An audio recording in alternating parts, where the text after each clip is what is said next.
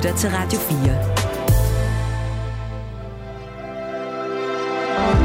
4. Velkommen til Mellemlinjerne. Din vært er Malte Burala.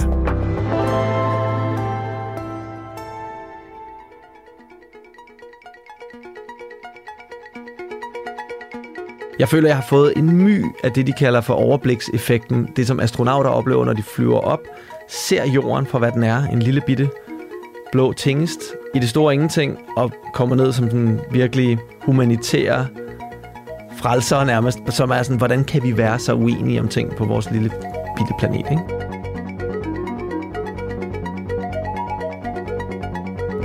I de sidste 3-4 år har journalist Frederik Dirk Gottlieb beskæftiget sig mere end de fleste med det ydre rum. Og især om vi her på jorden har haft besøg fra andre steder i universet. I sin nye bog, UFO-mysteriet, tager han læserne med dybt ind i ufologien. Og interessen for flyvende tallerkener, den blev delvist vagt, da hans far døde for 10 år siden.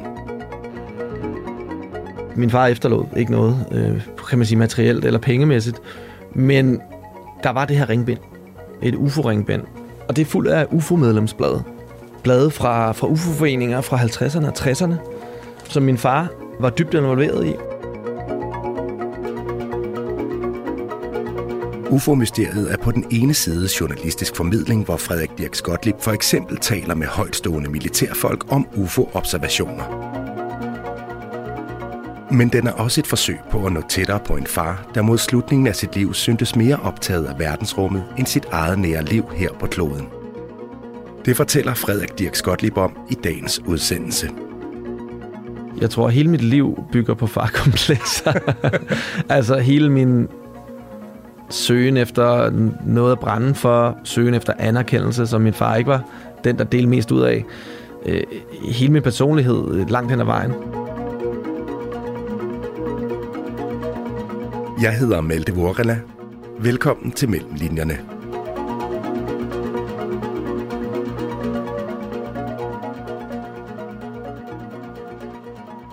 Frederik, har du nogensinde selv set en UFO? Nej, det har jeg ikke.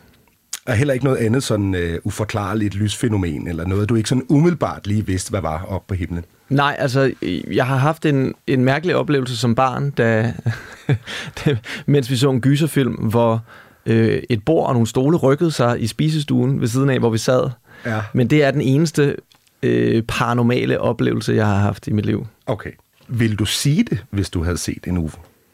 Ja, ja, ja, absolut. Altså, det vil jeg jo føle næsten efterhånden, hvor, hvor fjollet det lyder at snakke om journalistiske principper inden for det her emne, så vil jeg jo føle, at det, det vil jeg skylde lytterne, fordi så vil jeg have en klar bias.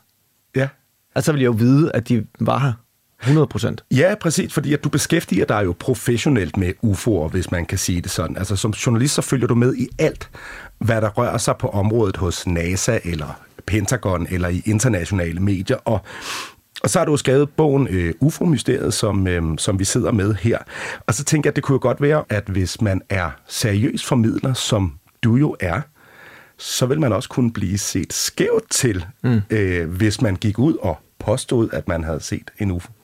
Jamen helt klart, altså som, som du også kan se i flappen på bogen, øh, det er ikke mig selv, der har udvalgt det citat, det er min redaktør, så, så er hele ideen om at dække det her emne enormt skræmmende. Ja. Øh, det tror jeg godt, du kan sætte dig ind i selv også, altså som, som journalist, at, øh, at overhovedet at bevæge sig ind i noget, som kan forbindes med konspirationsteorier og alt muligt andet, øh, historisk set, er, er enormt skræmmende, men, men jeg vil føle faktisk, at det var min pligt at snakke om det, hvis jeg havde set en UFO. Tror du, at der er liv andre steder i universet end på jorden? Ja, det tror jeg. Okay. Ja, den er jeg slet ikke i tvivl om. Og Eller... det siger du sådan rimelig skråsikkert. Ja, det siger jeg, og nu har jeg også talt med så mange videnskabsfolk efterhånden, og, og jeg vil sige, matematisk set, så, så ville det undre mig, hvis vi var de eneste. Det synes jeg er dybt arrogant at, at, at formode. Altså matematisk set, altså det er lidt ligesom den her med de, hvad er det, de 10 aber i et rum med 10 skrivemaskiner, så vil man på et eller andet tidspunkt få uh, Shakespeares samlede værker. Der har du et, et, ja. et, et uendeligt univers med uendelig mange skrivemaskiner og uendelig mange ja, aber på. præcis. Uh, ikke? Ja. Og der er jo også nogen, der bruger den der og siger, okay, hvis du tager et, et snapseglas øh, øh, i havet og tager noget vand op, og hvis der ikke er fisk i det snapseglas, så kan du konstatere, at der ikke findes liv mm. under havets overflade. Ikke? Det er lidt det samme som at sige, ud fra hvad vi har udforsket rummet, og sige, at der findes ikke liv. Ja. Ja, hvis du forstår den øh, sammenligning. Jo, jo, det forstår jeg, ja. men man kan sige, det er ikke... Øh, det er ikke så let at svare entydigt på det her i hvert nej, fald. Men det, det er et spørgsmål om tro. Men vi har heldigvis meget mere tid til at dykke ned i det her emne i dagens program. Inden det løber helt af med os, så vil jeg lige fortælle lytterne lidt mere om, hvem du egentlig er. I hvert fald, øh, når du går på arbejde. Frederik Dirk Gottlieb er født i 1983 i København. Han er uddannet kant kom fra Roskilde Universitet og filmproducer fra Super 16. Han har en fortid i filmbranchen og inden for marketing, men flest vil sandsynligvis kende ham som radio- og tv-vært. I selskab med kollegaen Kasper Lundberg har han blandt andet været vært på Stream Team på Radio 24 Serieland på TV2 og podcasten Binge på DR. Sammen står de to også bag DR's miniserie Guldfeber fra i vinter. Det er dog især med podcasten Flyvende Tallerken, at Frederik Dirks Gottlieb er begyndt at dukke op i bredere kredse. I programmet taler han og astrofysiker Anja C. Andersen med en lang række førende kilder fra ind- og udland om sandsynligheden for, at ikke-jordiske fartøjer skulle flyve rundt i vores atmosfære. Derudover vil flere sikkert også kende ham som medvært på Radio 4-programmet Only in America, hvor han og Mirko Reimer Elster hver uge dissekerer kulturhistorier fra USA. Og nu sidder vi så her med UFO-mysteriet, din første bog for voksne. Tidligere i år, der udkom din bog Kig op, der findes UFO'er, øh, som er målrettet børn. Men det er UFO-mysteriet, vi skal tale om i dag. Mm-hmm. Skulle vi ikke lige prøve at fortælle lytterne, hvor vi egentlig sidder? Fordi det tror jeg er første gang i den tid, jeg har lavet programmet her, at jeg sidder et sted som her. Ja, jo, vi sidder i min kælder. Øh, jeg bor i sådan et lille rækkehus, og jeg var så heldig, at der var et, et, et rum, øh, et, et udgravet kælderlokale, som allerede havde lydisoleret loft, og det, der tænker jeg jo bare med det samme, der skal jeg lave et radiostudie eller et podcaststudie, hvad man nu skal kalde det. Så øh, vi sidder på mit øh, hjemmearbejdskontor, hvor der er masser af UFO-litteratur og øh, lidt, lidt UFO-kunst på væggene også. Hvad er det for et... Øh, det er sådan et fotografi af nogle mennesker. Vi er lidt tilbage i tiden. De står ude i ørkenen, ser det ud til. Ja, altså det er taget af, af nogle fotojournalister, som øh, blandt andet ham, der hedder Peter Helles, der har taget mit billede til Flyvende til Lærken, og hende, der hedder Sarah Galbiati, der har taget billedet til UFO-mysteriet, som, Nå, ja. som er inde i. Øh, de var på sådan en, kan man sige, det, det man kalder UFO-pilgrimsrejsen rundt i, øh, i USA, øh, New Mexico og, og så videre, og tog billeder af, af UFO-fanatikere, øh, både kendte og ukendte. Og det der, det er så en række ukendte kvinder, som er sikre på, at de, øh, de har set en UFO på himlen, og så står og peger op står og peger op mod en, mod en helt kulsort himmel her. De har ja, alle sammen ja, kigger der og fotografiapparater med. Øh, er det også her, du sådan sidder og arbejder? Det er det selvfølgelig, fordi der er et radiostudie her, men er det også her, du sidder, når du sådan researcher her i din UFO-kælder? Ja, det er det. Jeg, jeg skriver hernede, og jeg researcher, og jeg sover nogle gange på den sofa, du sidder på lige nu. Ja. når man lige bliver, bliver rigtig træt derovre middag, ikke? Din bog UFO-mysteriet, den har fået undertitlen På sporet af min far og de flyvende tallerkener, og øhm, den kører på sin vis i to spor, hvis man skal tegne det sådan lidt lidt stort op. Ikke? Der er et spor, som følger dit arbejde som journalist, hvor du beskæftiger dig med UFO'er og den viden, vi har på området. Og så er der familiesporet, som især handler om dit forhold til din far.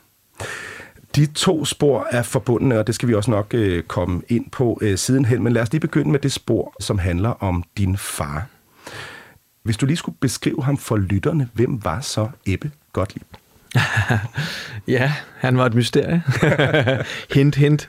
Øhm, ej, han var, da jeg var barn, var han en meget, meget kærlig far, som var meget anderledes end mange af de andre fædre, øh, jeg så i min omgangskreds. Han havde langt hår, han var kreativ, havde været tegner fra han var 15 år gammel, og han gik ud af skolen, så gik han direkte i lære som tegner, og så blev han så håndplukket til den bedste tegnestue i landet, da han var helt ung også, og, og var også på forbi Kunstnerværkerskolen, og var bare sådan et gudsbenået kreativt talent, som kastede en lang skygge af sig.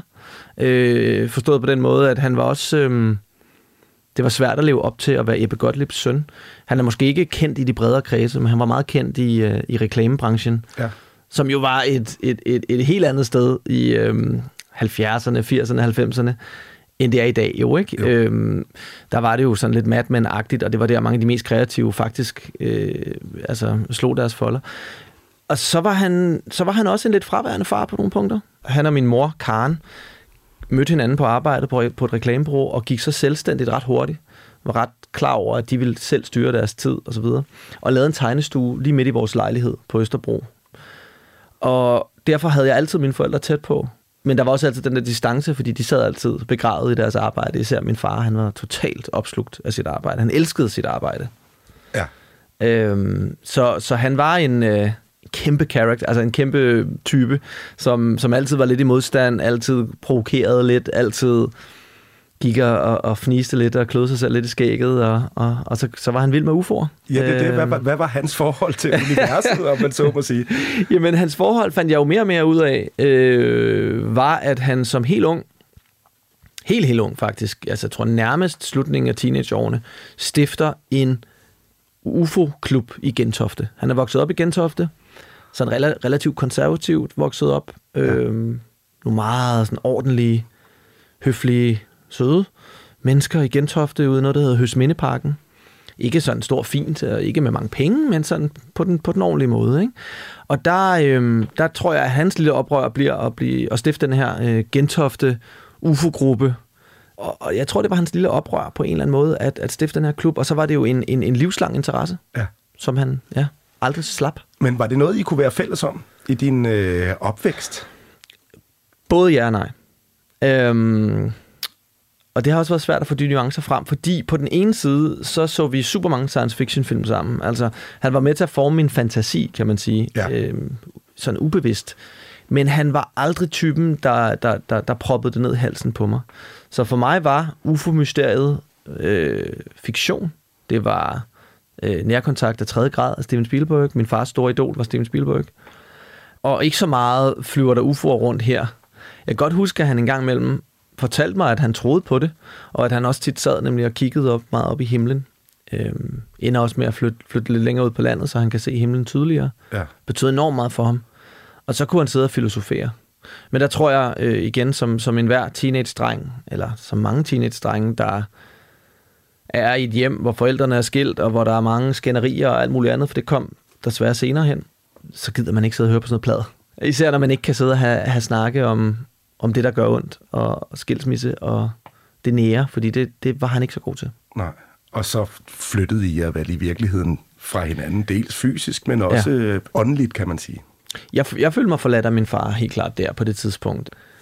Han var, han var jo, og det kan jeg jo se nu, de solgte deres hus, de var flyttet fra Østerbro øh, til Holte, og solgte huset, og han brugte det, han tjente, sin lille andel, det er jo et andet boligmarked her på det tidspunkt, start nullerne, til at købe en lille etværelseslejlighed til mig på, på Østerbro, hvor jeg så flytter ind. Og det var jo faktisk en stor gestus af ham, og derfor havde han kun råd til et lille sommerhus til sig selv. Men han ville også gerne væk fra det hele, så han flytter op i Asserbo og og forlader os jo, altså på en eller anden måde, fordi det tager lang tid at komme til Asserbo, når man ikke har bil. Du skal med grisen og alt muligt andet, ikke? Og, Jo. og han kører jo ind hver dag og arbejder, men, men sidder derude og begynder at drikke rigtig meget. Øhm, det gjorde han også, da jeg boede hjemme, og det er også en af grundene til, at mine forældre blev skilt. Men det, det, det stikker lidt af der. Ja. Øh, og min søster er jo stadig bor stadig hjemme, men, men hun flytter så bare ind til min mor. Og der er aldrig nogen snak om, hvorvidt han skal have forældremyndighed over hende, eller øh, jeg vil sgu gerne være tæt på jer børn. Det er bare derop og sidde og kigge på himlen, ikke? Jo, det kan man jo læse en del om, også her i din bog uh, UFO-mysteriet. Og der kan man også læse, at der sker noget omkring år 2013, i begyndelsen af år 2013, hvor din far han uh, går bort. Ja. Der skal din søster og du op og, og tømme hans, uh, hans hus deroppe i Asserbo, og der finder du noget. Mm. Hvad er det, du finder deroppe? Han bor i det her lille, lille sommerhus, som der ikke er, ikke er gjort ret meget ved, og vi, vi er på vej derop med, en- med en trailer. Og det er super, det er jo virkelig ubehageligt. Hvis man nogensinde har prøvet at, at rydde et forældres hus, det er, ikke, det er ikke så sjovt. Og alt, hvad han har, er sådan lidt gammelt og lidt ramponeret, og der er ikke ret meget værdi. Min far efterlod ikke noget, øh, kan man sige, materielt eller pengemæssigt. Men der var det her ringbind. Et UFO-ringbind, øh, som er her et sted. Ja. Nå, jeg ved du hvad, det er i den der, øh, det er faktisk i det net der. Prøv lige at tage det en gang. Ja. Lige til dig her. Yes. Ja, men altså, der står det her ringbind. Øh, rimelig pænt vedligeholdt. Og det er fuld af UFO-medlemsblade. Ja, okay. Blade fra, fra UFO-foreninger fra 50'erne og 60'erne, som, som min far var, var dybt involveret i. Blandt andet med hans lille øh, UFO-gruppe fra Gentofte, som, var, som blev kaldt for en, jeg tror det var en støttegruppe til, til, til, til Suføje, som er jo en stor UFO-forening, der stadig eksisterer, og men komplet anderledes nu, end den var dengang. Ja. I dag er man jo meget skeptisk i SUFOI. Dengang var det jo en, en believer-organisation. Altså det er det, der står for skandinavisk UFO-information. Præcis, men da den startede, stod det faktisk for Scandinavian UFO Investigation. Uh. Ja, og så skiftede man det så på et tidspunkt til noget lidt mere øh, skandinavisk dansk. Og nu sidder jeg her og bladrer i det her. Der er jo dels de her UFO-nyt, som er udgivet jer her af skandinavisk UFO-information. Så er der nogle udklip af nogle artikler her. Der er noget her, der hedder Byg selv en UFO-detektor. Ja. Øh, og så videre. Hvad, hvad tænkte du, da du øh, stod med det her i hænderne oppe i af din fars dødsbo? Jamen først så undrede jeg mig over, at han aldrig havde vist mig det. Øh, de der ting der. Fordi vi jo netop havde science fiction sammen, og vi havde mange fælles interesser egentlig. Jeg kan godt huske det svagt, men, men han har aldrig sat sig ned med mig og sagt, lad os lige prøve at kigge på det her. Han har givet mig nogle bøger om UFO-fænomenet. Øh, Roswell-bog blandt andet. Ja. Og han gav mig også en bog om, om mænd i sort, inden, langt inden, at der var noget, der hed Men in Black på film og sådan noget. Eller det var det, det, var det nok ikke i virkeligheden, men inden at, den var skrevet langt inden, at der var noget, der hed Men in Black på film. Ja. Som jo efter sine af de her øh, statsagenter, der, der holder hemmeligheden om, om UFO'ers eksistens. Øh, Ja, i live vel sagt. I live de, faktisk, ja. du så alt ned. præcis, tager rundt og, og taler med folk, der, der snakker. Ikke? Så lidt som vi kender det fra X-Files eller sådan noget. Og, og, og det var vel egentlig et tegn til mig om, at hey, prøv at høre, jeg tror, det er det virkeligt. Jeg kunne godt tænke mig, at du prøvede at sætte dig lidt ind i det. Ikke? Øhm, men jeg kan jo virkelig godt savne, at vi havde haft de der rigtige snakke om det her. Jeg har så haft snakke med nogle af hans venner fra ja. den tid om det her. Men da du stod med det her ringbind her, øh, tænkte du så, at men her har jeg fundet en guldgruppe af information. Den skal følge mig, og det bliver starten på noget stort, det her. Eller tænkte du også, det er en lille smule gag, det her? Jeg tænkte egentlig bare, det er sgu da meget sjovt. Det siger noget om min far. Ja. Han har tydeligvis passet godt på det siden de slut 50'erne, ikke? Altså er nogle af de blade fra. Den sætter jeg hjem på regionen. Jeg tænker faktisk ikke så meget mere over det. Det minder mig bare enormt meget om ham på en eller anden måde. I første omgang. Det er så er jeg tilbage i 13, ikke, at han dør. Så står det jo på hylden i lang tid og bare brænder. Og nu når jeg kigger tilbage på de sidste... Ja, jeg starter flyvende til 20, ikke? Så de sidste øh, 10 år er det jo så. Så kan jeg jo godt se, at det har faktisk haft en ret stor betydning for mit liv, det ringbind der. Du lytter til Radio 4. Du lytter til Mellem Linjerne på Radio 4, og jeg taler i dag med journalist og forfatter Frederik Dirks Gottlieb. Du er aktuel med UFO-mysteriet, som jo er lige dele UFO-journalistik og erindringsfortælling. Du har tidligere beskæftiget dig meget med, med film og tv-serier som journalist. Hvorfor begyndte du egentlig at rette dit, dit faglige blik mod universet? Jeg har altid været interesseret i mere, kan man sige, almindelig journalistik. Hvad, hvad enten det så er videnskabsjournalistik eller politisk journalistik. Jeg, jeg, jeg har altid interesseret mig for, for verden, selvom jeg mest har fokuseret på de fiktive verdener. Og jeg tror, at det, der tiltalte mig så meget ved det her, var, at det ligger et sted midt imellem. Altså, det er en eller anden form for science fiction journalistik, fordi der er så tilpas meget, der peger ret, i retning af, at der er liv derude, og måske også, at der har været besøgende. Og der er tilpas meget, som, som foreslår, at det er ren fantasi. Ja. Og det der med at prøve at luge, luge ud i, hvad er rigtigt og forkert inden for det her emne, har jeg altid synes var enormt fascinerende. Men det har været for gakket for mig før i tiden. Mm. Når jeg har lyttet til nogle af de tidlige, blandt andet den podcast, der hedder The Joe Rogan Experience, en, en meget, meget kendt amerikansk podcaster, som går meget op i UFO'er. Ja. De tidlige episoder om UFO'er, det var alt for konspiratorisk og sølvpapirshatteagtigt for mig. Ja. Så, så det er jo, da, da, da New York Times begynder at gå ind i den her UFO-ting i 17, og igen i, i ja, så også i 18-19, men så igen især i 20, Mm. øhm, hvor jeg for alvor læser en artikel i sommerferien 2020, og bare tænker, det er jo vanvittigt det her, der står i den her artikel her. Der står mellem linjerne. Fordi at man jo trods alt skriver for så sobert et magasin som, som, som New York Times, står der faktisk, der findes UFO'er, og Pentagon bruger mange penge på at, at opklare det her mysterium med deres UFO-enheder, altså UFO-programmer, officielle UFO-programmer. Og det er jo en bombshell for mig, og der er det jo straks, at jeg tænker på min far og ringbindet, og tænker, måske var han ikke så skør alligevel. Nej. Så det begynder på en eller anden måde, de her beretninger om UFO'er, om flyvende tallerkener, de begynder at få et eller andet klang af troværdighed også. Helt klart. Og ikke kun det, det begynder også at få en klang af, at det er okay at beskæftige sig med det. Der begynder at være en grund til at beskæftige sig med det, uagtet om du tror på dem eller ej. Fordi lige pludselig begynder der at komme så meget information ud. Folk er helt snot forvirret. Ja. Hvad er op og ned her? Jeg læste forleden på New York Times, at der findes UFO'er. Hvad, hvad, hvad? Artiklen var så kringlet, jeg næsten ikke forstod den. Øh, men der var alle de her piloter og så videre, der sagde, at de findes. Hvad skal jeg tro? Hvad skal jeg ikke tro? Så der begyndte også at komme et element af, at vi, det er vi lige nødt til at opklare det her. Ikke? Altså et rigtig journalistisk spørgsmål, som har sin plads på et public service sted, som, som, som Danmarks Radio, hvor jeg laver det. Ikke? Jo. Så den der journalistiske sådan, lødighed begynder at komme lidt tilbage i emnet. Det var det jo også i min fars tid faktisk, indtil, indtil det på en eller anden måde løb ud i sandet, og Hollywood tog patent på, på UFO'er. Øhm, og det var, det, ja, det var, det var virkelig en, en, en, en ny tid, og, og, og vi er jo nok i det, man vil kalde for en eller anden form for gylden æra inden for, for UFO-emnet, øhm, og især UFO-journalistik. Ja, og der er jo netop begyndt at være meget mere snak om det. Øh, måske også øh, herhjemme hjulpet lidt på vej af din podcast, som du har sammen med Anja C. Andersen, som er, som er astrofysiker, og I taler jo med alle mulige, også nogle store kanoner, tidligere øh, chefer fra øh, Pentagon og mm. alle mulige øh, øh, deltager i den her podcast her. Men når der er så meget information, og der er så, lad os sige, relativt lidt nalfast viden, mm. så må der også være mange faldgrupper. Altså, hvad er de hvad er de store udfordringer ved at beskæftige sig med det område her, som er universet eller liv mm. i universet? Jamen det er jo ikke at blive suget ned i et sort hul af misinformation. Ikke?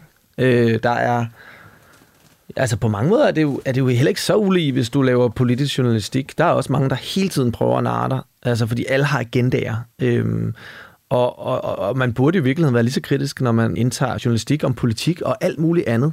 Fordi agendaer og folk, vi vurderer, vi har tillid til, som vi måske ikke bør have tillid til, det er en ting i journalistik generelt. Men det er klart, at den er jo så ekstra presserende inden for et emne med den historik, som det her emne har, og hvor du har, fandt jeg ud af ret hurtigt, da jeg for jeg var ikke en stor UFO-fyr inden 2020 Nej. overhovedet. Øh, modsat med, hvor mange tror, at det er et eller andet, jeg har gået op i, fra jeg var barn på grund af min far. Det er først der, interessen for alvor opstår. Og den opstår professionelt også. Ikke? Men der står jeg der med, finder ret hurtigt ud af, at jeg begynder at kontakte nogle foreninger og så videre herhjemme, og nogle journalister, der har beskæftiget sig med det. Finder ud af, at der er to fløje. Øh, benhårdt, altså igen ligesom i politik, der er dem på den ene side, der ikke tror på noget som helst. Altså intet Altså, du, vil, du, vil du kunne få dem til at sige, du vil ingen, formentlig ikke engang kunne få dem til at sige, at det er sandsynligt, at der findes liv derude, selvom det siger mange astrofysikere jo, ikke? Jo. Og så har du på den anden side, der har du dem, der er 100% sikre på, at det her det findes. Mange har selv haft oplevelser, eller mange vil gerne tro på det, fordi de mener, at der kan være mange humanitære gode grunde til at tro på det her emne. Men meget, meget, mange, meget få mennesker, øh, i hvert fald som har en stemme i det her, stiller sig i midten. Men det, jeg så har fundet ud af med min podcast, hvorfor vi fik ret mange lyttere ret hurtigt, er, at der er faktisk en kæmpe gruppe af mennesker, der godt kunne tænke sig et nuanceret blik på det. Ja. Men Frederik Dirks, har du så en, har du en metode, en eller anden måde, til at skære igennem øh, støjen, om man så må sige? Altså er der noget, som du ligesom holder dig for øje? Dels at balancere er jo helt, altså jeg går virkelig som en linedanser imellem prøver jeg ikke. Det er virkelig, virkelig svært, og jeg bliver hele tiden klandret for at være på meget på det ene hold og for meget på det andet hold. Øhm, men jeg tror, programmet, øh, der er det jo heldigt, jeg tror faktisk, programmet vil miste en, en god portion spænding, hvis det blev for forudindtaget i den ene retning, og det er også derfor, når du indleder med at spørge, om jeg har set en UFO, er jeg faktisk på en måde glad for, at jeg kan Professionelt set er jeg glad for, at jeg kan se den UFO. Ja. Personligt ville jeg nok synes, det var rimelig øh, fantastisk. Øh, fordi at det gør jo, at jeg hele tiden er i tvivl. Jeg er hele tiden i tvivl. Og samtidig må jeg også bare erkende, at vi taler med nogle virkelig, virkelig legitime mennesker, som siger nogle virkelig, virkelig sindssyge ting, hvis man har hørt mine programmer. Altså, hvor mig, både mig og Anja sidder målløst tilbage. Og så er det selvfølgelig det, at Anja C. Andersen, den store videnskabsformidler, vi har herhjemme, har jo været en fantastisk rettesnor. Og hun er ikke en, man imponerer særlig nemt. Så det har været fedt at have hele tiden have hende ved min side, og kunne, kunne spille bold op af hende. Men hvad har egentlig været din mest sådan skældsættende oplevelse eller opdagelse, mens du har beskæftiget dig med det her?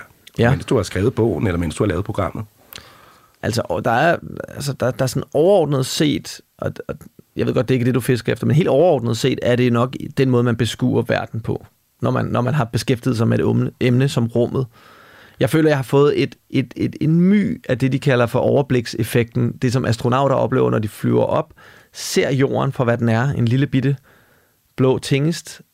I det store ingenting. I det store ingenting, og, og får den der sådan, kommer ned som sådan virkelig humanitær frelser nærmest, som er sådan, hvordan kan vi være så uenige om ting på vores lille bitte planet, ikke? Mm. Øhm, og hvad, er, hvad betyder vi i det her kosmos, og hvad er nært, og hvad er fjernt, og det er jo også det, bogen beskæftiger sig meget med, at, at det, skal jo, det skal jo føles vigtigt at kigge sine børn i øjnene, og man kan godt nogle gange, ligesom min far gjorde lidt, have tendens til at flyve lidt væk, når man så ser det hele. Men det, som de oplever, er jo faktisk, at de kommer hjem og skaber stærkere connections med folk omkring dem, fordi det får de virkelig lyst til. Om det vil jeg da sige, det lyder da som en rimelig skældsættende, sådan overordnet oplevelse, du har haft med Jamen, det at det. dig med det her. Men det er klart, man kan også, man kan også sige, hvad har, hvad har alle del øh, oplevelserne så været? Jamen det har for eksempel været at tale med ham, der hed Luis Elizondo, som var tidligere chef for et Pentagon-program, ikke? og få hans take på det, og hans sikkerhed om, at der flyver noget rundt, som vi ikke kan forklare. Alle de piloter, jeg har talt med, både danske og amerikanske Top Gun-piloter, som fortæller ting, hvor man, hvor man tænker, det kan godt være, at de ikke har vist mig radardataen, som formentlig eksisterer et sted derude, men det er godt nok skørt at forestille sig, at de skulle sidde og lyve om det her, ja. øhm, og sætte alt på spil. Der er jo folk, der har sat hele deres meget, meget, meget fordelagtige pension på spil, som man får, hvis man har arbejdet i, i Forsvarsministeriet osv. osv. Altså, de sætter virkelig ting på spil for at gå ud og blive kaldt for sølvpapirshatte. Ikke? Det er ikke særlig taknemmeligt at beskæftige sig med det her område her. Det, det er hårdt. Du møder meget modstand, og det er meget, meget svært at tjene penge på det. Og når folk så tjener bare en lille smule penge på det, så får de at vide, at det er derfor, de gør det. Du lytter til Radio 4. Frederik Dirk Gottlieb, i begyndelsen af udsendelsen, der spurgte jeg dig jo, om øh, du havde set en UFO. Øh, det, det havde du ikke, ikke Nej. så vidt du ved i hvert fald. Og så spurgte jeg jo også, om du ville sige det, hvis du rent faktisk... Har du set en UFO? ikke- Mm, nej, det har jeg Nej, ikke. Jeg har faktisk aldrig været... Øh, det har aldrig strejfet mig. Jeg har set et stjerneskud, det tror jeg, det, det er det tætteste Ja, ja. på noget. Ikke? Men, men ellers har jeg ikke tænkt, gud, hvad var det? Men hvad tænker du selv, hvis nogen fortæller dig, at de har set en UFO? Og her tænker jeg også på, på helt almindelige mennesker. Ikke nødvendigvis nogle øh, øh, jagerpiloter, som har set et eller andet uforklarligt, men helt almindelige mennesker, som, som påstår, at de har set noget. Ja, Jamen, og jeg har talt mange af dem jo. Øh, Jeg, får, jeg jo kontaktet af folk, der har set UFO'er hele tiden. Ja. Har et, øh, en note på min telefon med, med hundredvis af navne på, som jeg har skrevet ned. Øh, fordi der er så mange interessante historier imellem. Og det, som jeg har oplevet, som har været næsten ens for alle, er, at det er folk, der er meget pinlige omkring deres fortælling, om deres oplevelse. De er meget bange for, at man tror, at de er skøre. De skriver til mig, som laver det her program, så er det tit sådan noget med de første 10 linjer. Det er sådan noget, jeg er altså virkelig ikke skør, og jeg arbejder som læge, og jeg du ved, har den her uddannelse, og jeg har børn, og jeg, du ved ikke, altså de er så bange for, de har prøvet så mange gange, at folk har kigget skeptisk på dem og tænkt, Jesus Christ, ikke? Ja. Og fordi vi, har, vi holder os ikke tilbage, når det kommer til det emne, på samme måde som vi gør med religion. Der er det færreste, der findes jo nogen, ikke? Men hvis du stiller op med en megafon og råber ind i hovedet på en flok kristne, eller muslimer, eller jøder, at, at det, de tror på, øh, er bullshit, så vil folk synes, du var en rimelig forfærdelig person, ikke? Men inden for det her emne, der er sådan en carte blanche til kalde dem sølvpapirshatte.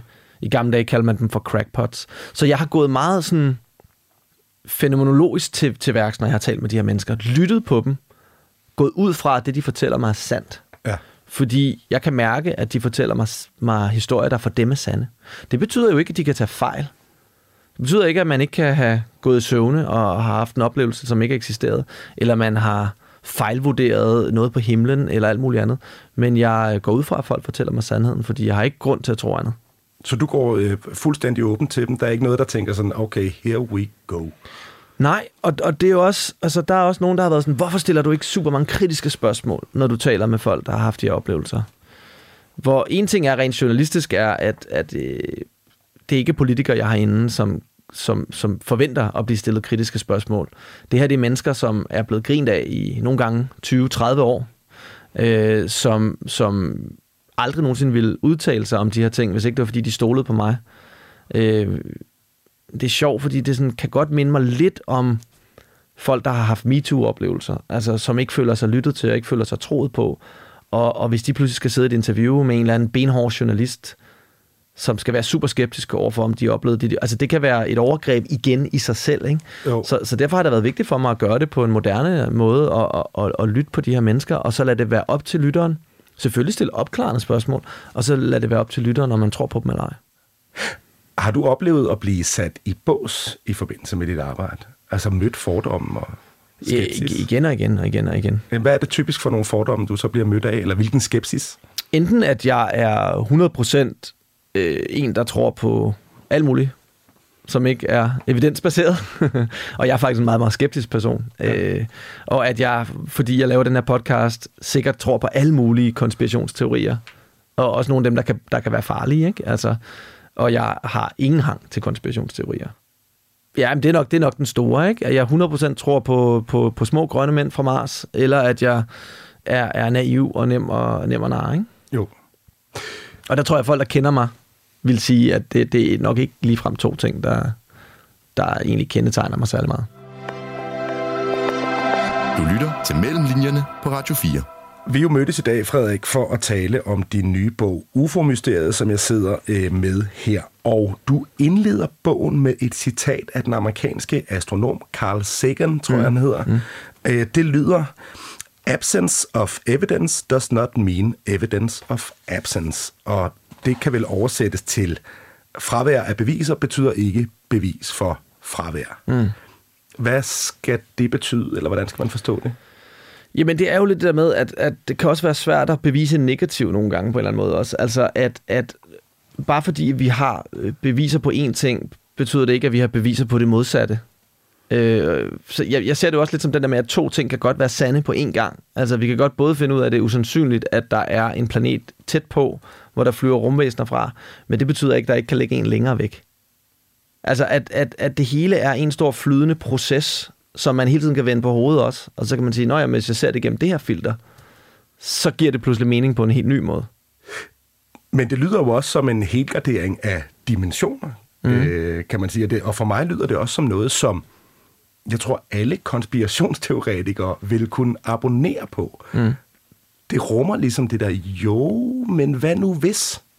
Så kan man så til gengæld sige, at Carl Sagan var, var, var jo alt andet end konspirationsteoretiker, så, så hele hans, selvfølgelig. hans arv er selvfølgelig også... Jeg forstår, jeg hører totalt, hvad du siger, og det er jo også... Men det, det vender jo igen lidt tilbage til hele det der med... Der er jo også nogle gange... Altså igen, jeg er med på, der er ting, der er rigtige. Der er ting, der er forkerte. Ja. Der er ting, vi ved med sikkerhed. Der er oplevelser, vi har, vi, vi, vi, vi 100% sikkert kan sige, at vi, vi har haft. Men der er jo også lidt en ting med, at der er nogle personer i samfundet, som vi har en enorm tillid til. Som vi ligesom har udnævnt som tillidspersoner. Videnskabsfolk.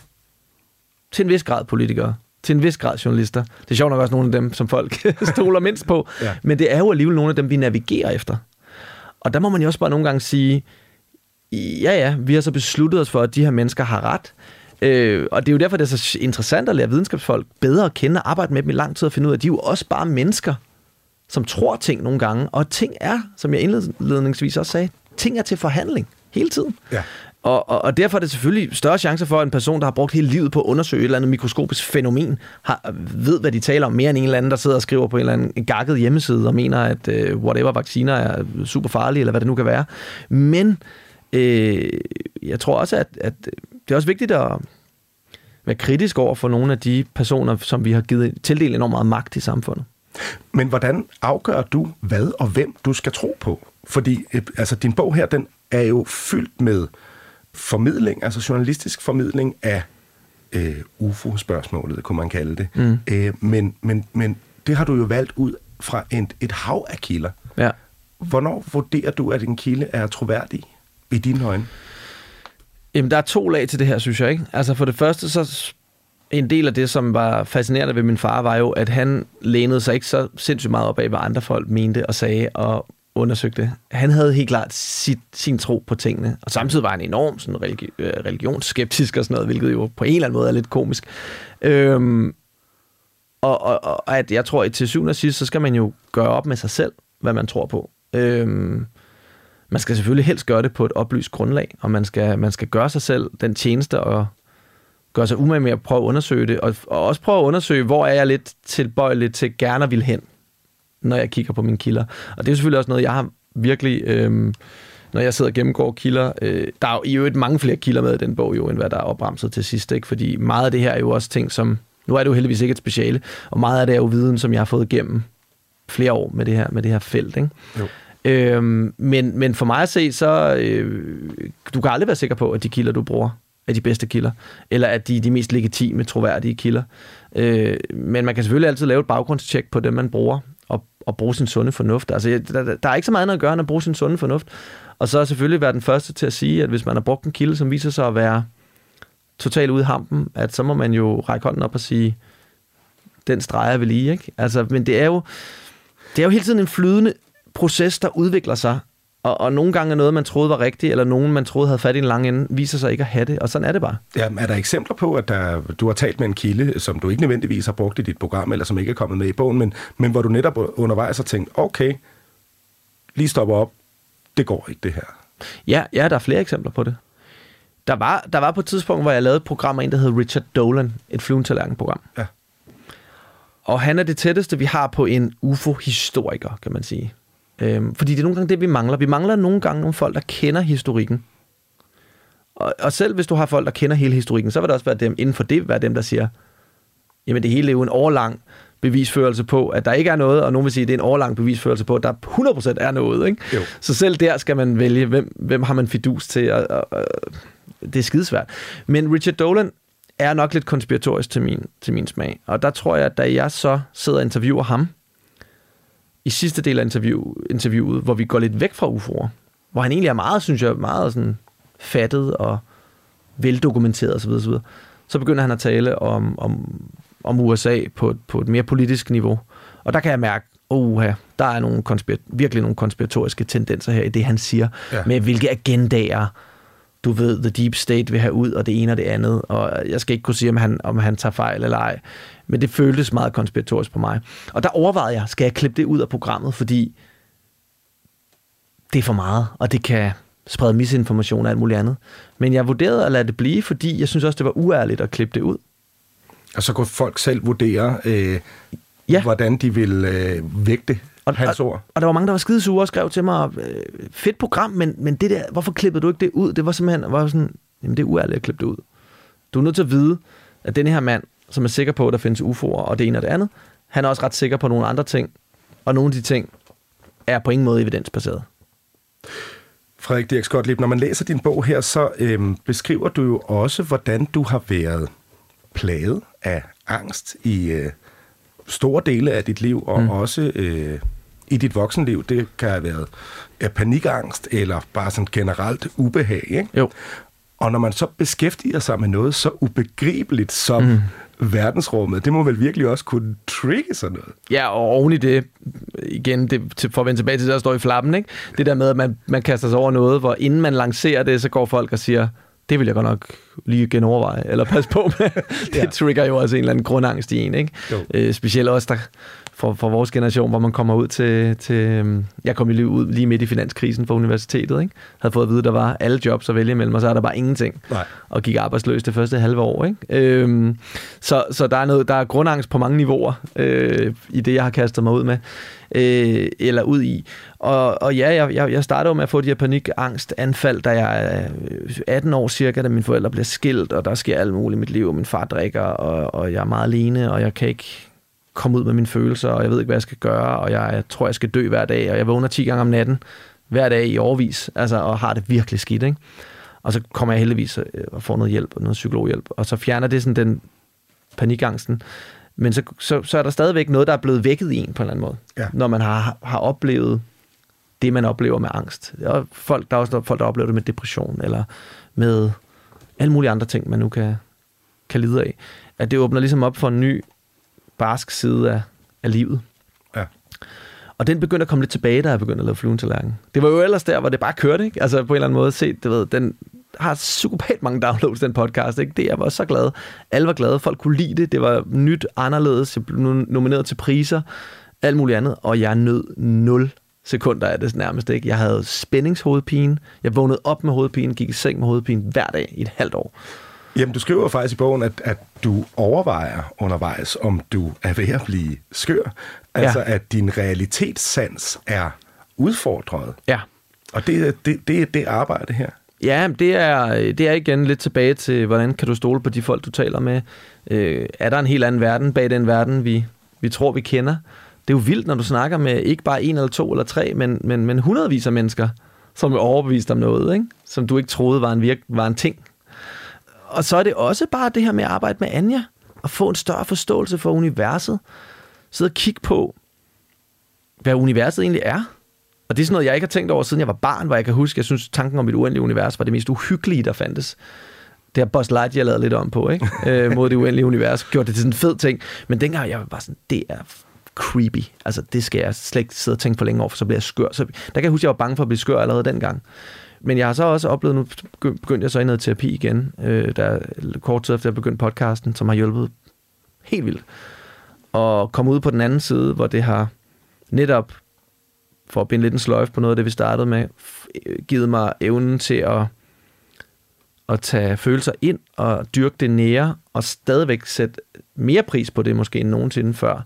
For jeg var bange for apatien, jeg var bange for, jamen det hele er jo ligegyldigt. Ja. Vi er et lille støvkorn. Det er fucking ligegyldigt, hvad, altså, hvordan kan jeg dog gå så meget op i stress og arbejde og børn og alt muligt andet, når det hele er ligegyldigt. Og komme ud på den anden side af det til at være sådan, nej, nej, men det er jo alt for mig jo. Det er jo mit lille univers. Mm. Det er jo alt. Og så har, det endda, så har det faktisk kunne hjælpe mig lidt med at sige stress og alt muligt andet. Ja, ja, big picture er det ikke så vigtigt. Men det, jeg kan se og røre ved og kigge i øjnene, det er jo sindssygt vigtigt, ikke? Mm. Du lytter til Mellemlinjerne på Radio 4.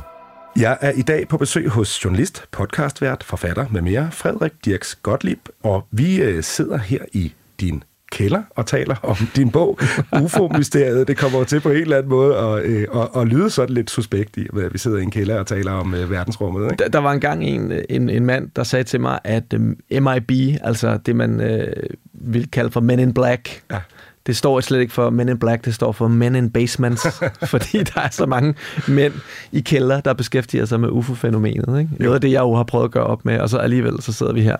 Ja, og det har du så beskæftiget dig med igennem øh, en årrække, og du har lavet øh, utrolig mange øh, programmer på, øh, på DR. Den, øh, din podcast, Flyvende Tallerken, den, den, den bliver lyttet i, i stor stil. Hvorfor så også skrive en bog nu? Altså, fordi meget af det, der er med i bogen, er jo også noget, som er løftet ud af dit program? Øh, jeg kunne mærke, at der var både en stor interesse for lidt mere af, hvad jeg selv går og tænker. Det er jo meget et program, hvor jeg, det kender du til, hvor, hvor det er mere gæsternes tanker, der, der fylder. Ja. Øh, så det kunne jeg godt tænke mig. Men i virkeligheden var det jo nok, fordi da jeg troede, jeg skulle lave Flyven til Lærken i starten, troede jeg, jeg skulle lave et mere dokumentarisk projekt om min far. Om hans tid i UFO-miljøet, og så flette ufologi ind i det. Og så endte vi jo med at ramme ned i noget aktuelt, som bare kaldte på et aktualitetsprogram på en helt anden måde, end vi troede. Ja øh, med udviklingen i Pentagon og høringer og UFO-rapporter og alt det, som vi har, vi har lært de sidste par år. Så jeg føler jo, historien om min far, den var ikke blevet fortalt igennem mit program. Øh, og den fylder jo i hvert fald halvdelen af bogen. Øh, så det er jo en meget personlig, meget mere personlig fortælling, end, end Flyven til Lærken er. Så det var en måde, du kunne skrive om og fortælle om din far på også? Ja, og, og lave nogle af de der sådan mere filosofiske tekst på, på UFO, UFO-emnet.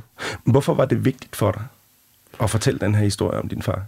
Øhm, jeg synes for det første, så øh, har jeg gået igennem mange erkendelser om, hvem min far var, og nogle af de antagelser, jeg har haft om ham, som jeg tror, mange oplever her, have, måske ser op gennem 20'erne, øh, og måske også først gennem 30'erne, hvor man pludselig gør lidt oprør, og man synes måske, at forældre var, har været dårlige, og man, måske skyder man skylden på dem, hvis man oplever øh, angst, eller fejlslagen jobliv, eller hvad, arbejdsliv, eller hvad det nu kan være. Og så finder man ud af, når man så dykker ned i det, at de har jo, de har jo bare gjort det bedste, de kunne med det, de havde. Ja. Og så har der været hele den her, den her erkendelse af, at det der med at dykke ned i noget, ens forældre interesserer sig for, selv efter de ikke er her længere, kan bringe en tættere på dem. Mm. Og det lyder næsten religiøst, men det kan faktisk også ske via, via en hobby, eller øhm, et emne, eller et felt. Du nævnte øhm, ja, tidligere i programmet her, og også i bogen, at dit, dit forhold til din far har, øh, var ikke altid sådan det, det tætteste og det letteste, at han måske kunne have tendens til at se mere op mod, øh, mod stjernerne, end egentlig at se i retning af dig. Øh, det var i hvert fald den oplevelse, du kunne have. Ikke? Nu har du jo så øh, fortalt hans historie og beskæftiget dig med det gennem en, en bog. Føler du også, at du har skrevet dig tættere på din far og på en forståelse af ham? I meget høj grad. Ja. Øhm, det kan faktisk næsten ikke overdrives. Det havde jeg faktisk ikke troet, at jeg ville. Jeg, fordi jeg har gået så meget terapi, jeg tænkte, jeg kommer ikke tættere ind på, på hvem han var, eller mit forhold til ham, eller noget, men det er virkelig kommet. Øh, og en ting er, at man kan, man kan også gå i terapi for evigt og, og blive klogere på sig selv, men nogle gange kræver det jo at, øh, sådan et stykke arbejde for at blive klogere på, på andre. Og der tror jeg især det der med at mødes med hans gamle venner, og som stadig jo bare husker øh, 17-årige Ebbe, øh, lang og, og, og, og tynd og god til at tegne, som elsker UFO'er, og få det der sådan barnlige blik på ham. Jeg har heller ikke særlig mange billeder af min far, han er jo født i 45, det, der er nogle fremkaldte billeder, nogle få fremkaldte billeder, det er det. Ja. Vi har ikke endeløse videoer, som vores børn kommer til at have også. Øhm, så, så jeg føler virkelig, at sådan, wow, han var også bare en fascinerende mand, og han var noget andet end, end, end en far, der prøvede at navigere rundt i, hvordan man bedst er det. Så var han også bare en sjov ven, og en sjov kammerat, og en fantastisk formidler, og en, en ildsjæl. Men man kunne jo få en ledis til at tro, at det af nogle farkomplekser, som har sendt dig ned ad den her øh, vej i første omgang. Vil det være en fejl at tænke det? Jeg tror, at hele mit liv bygger på farkomplekser. altså hele min søgen efter noget at brænde for, søgen efter anerkendelse, som min far ikke var den, der delte mest ud af.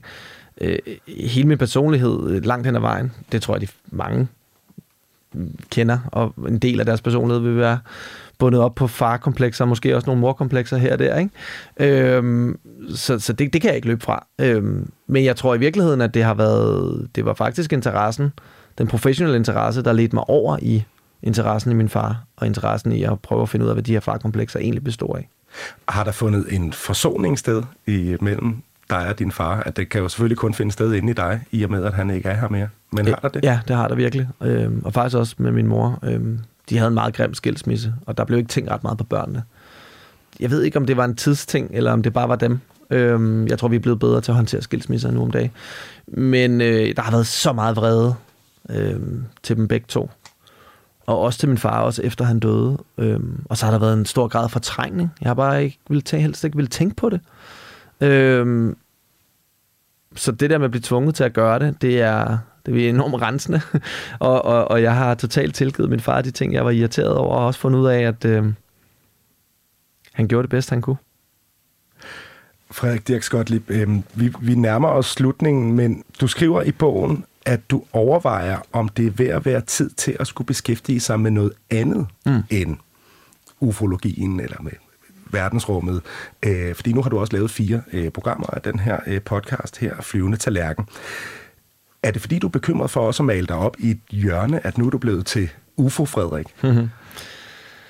Øhm, jeg har aldrig brudt mig om at blive sat i en boks. Øhm, igen, der er helt sikkert også nogle farkomplekser at finde der. Ja. Øhm, hvorfor jeg laver så mange forskellige ting, som jeg laver. Men det er også bare, fordi jeg har mange forskellige interesser. Det er ikke det eneste, jeg interesserer mig for. Øhm, og det er ikke det eneste, jeg arbejder med. Så ja, det har selvfølgelig været en del af det.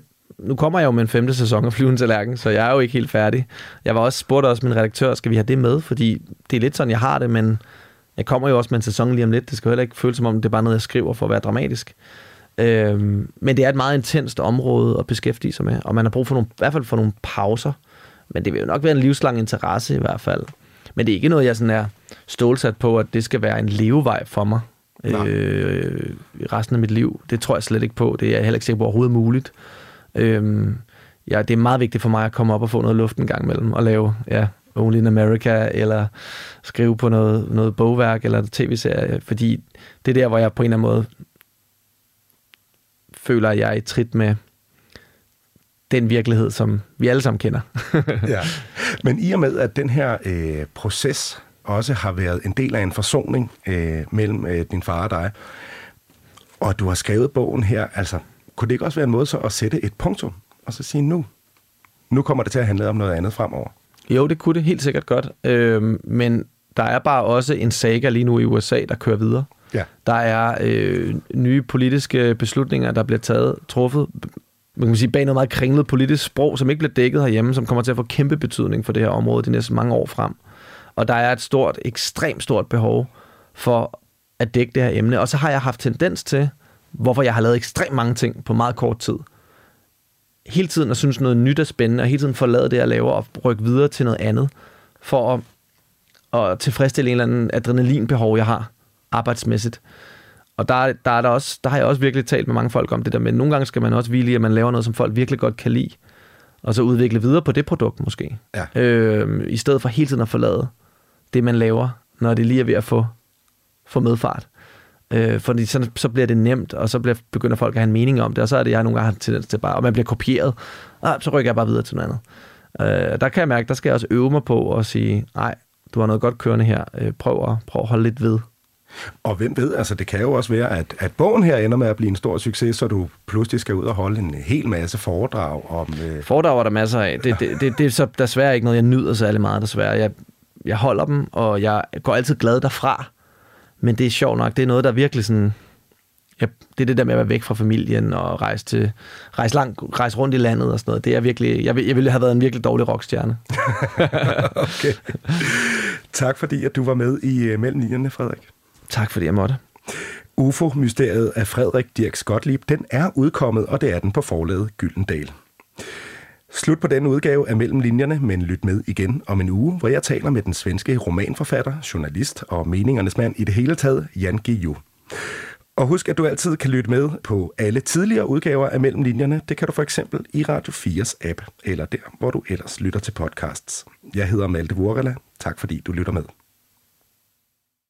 Du har fået til job at synge kor for ABBA. Jamen, jeg var ikke simpelthen klar over, hvor sindssygt det egentlig var. Det var jeg jo ikke. Jeg var jo bare ni år og glad i låget. Musik er en hurtig genvej ind bag facaden. Jeg følte jo, at alle de sange var til mig. Ind bag den offentlige person. Jeg kiggede ind i et mørke. Det er jo der, jeg skal hen. Det er jo der, alt trøst er. I Portrætalbum bruger Anders Bøtter musikken til at vise nye sider af sine gæster. Carmen Køllers uh, Axel Byvang, har han en playliste? Jeg ved ikke, om jeg tør sige det. Det er så pinligt. Blandt andet Backstreet Boys. Lyt til Portrætalbum i Radio 4's app, eller der, hvor du lytter til podcast. Radio 4. Hold kæft, mand. Det tror Ulla Terkelsen ikke, det der. Ikke så forudsigeligt.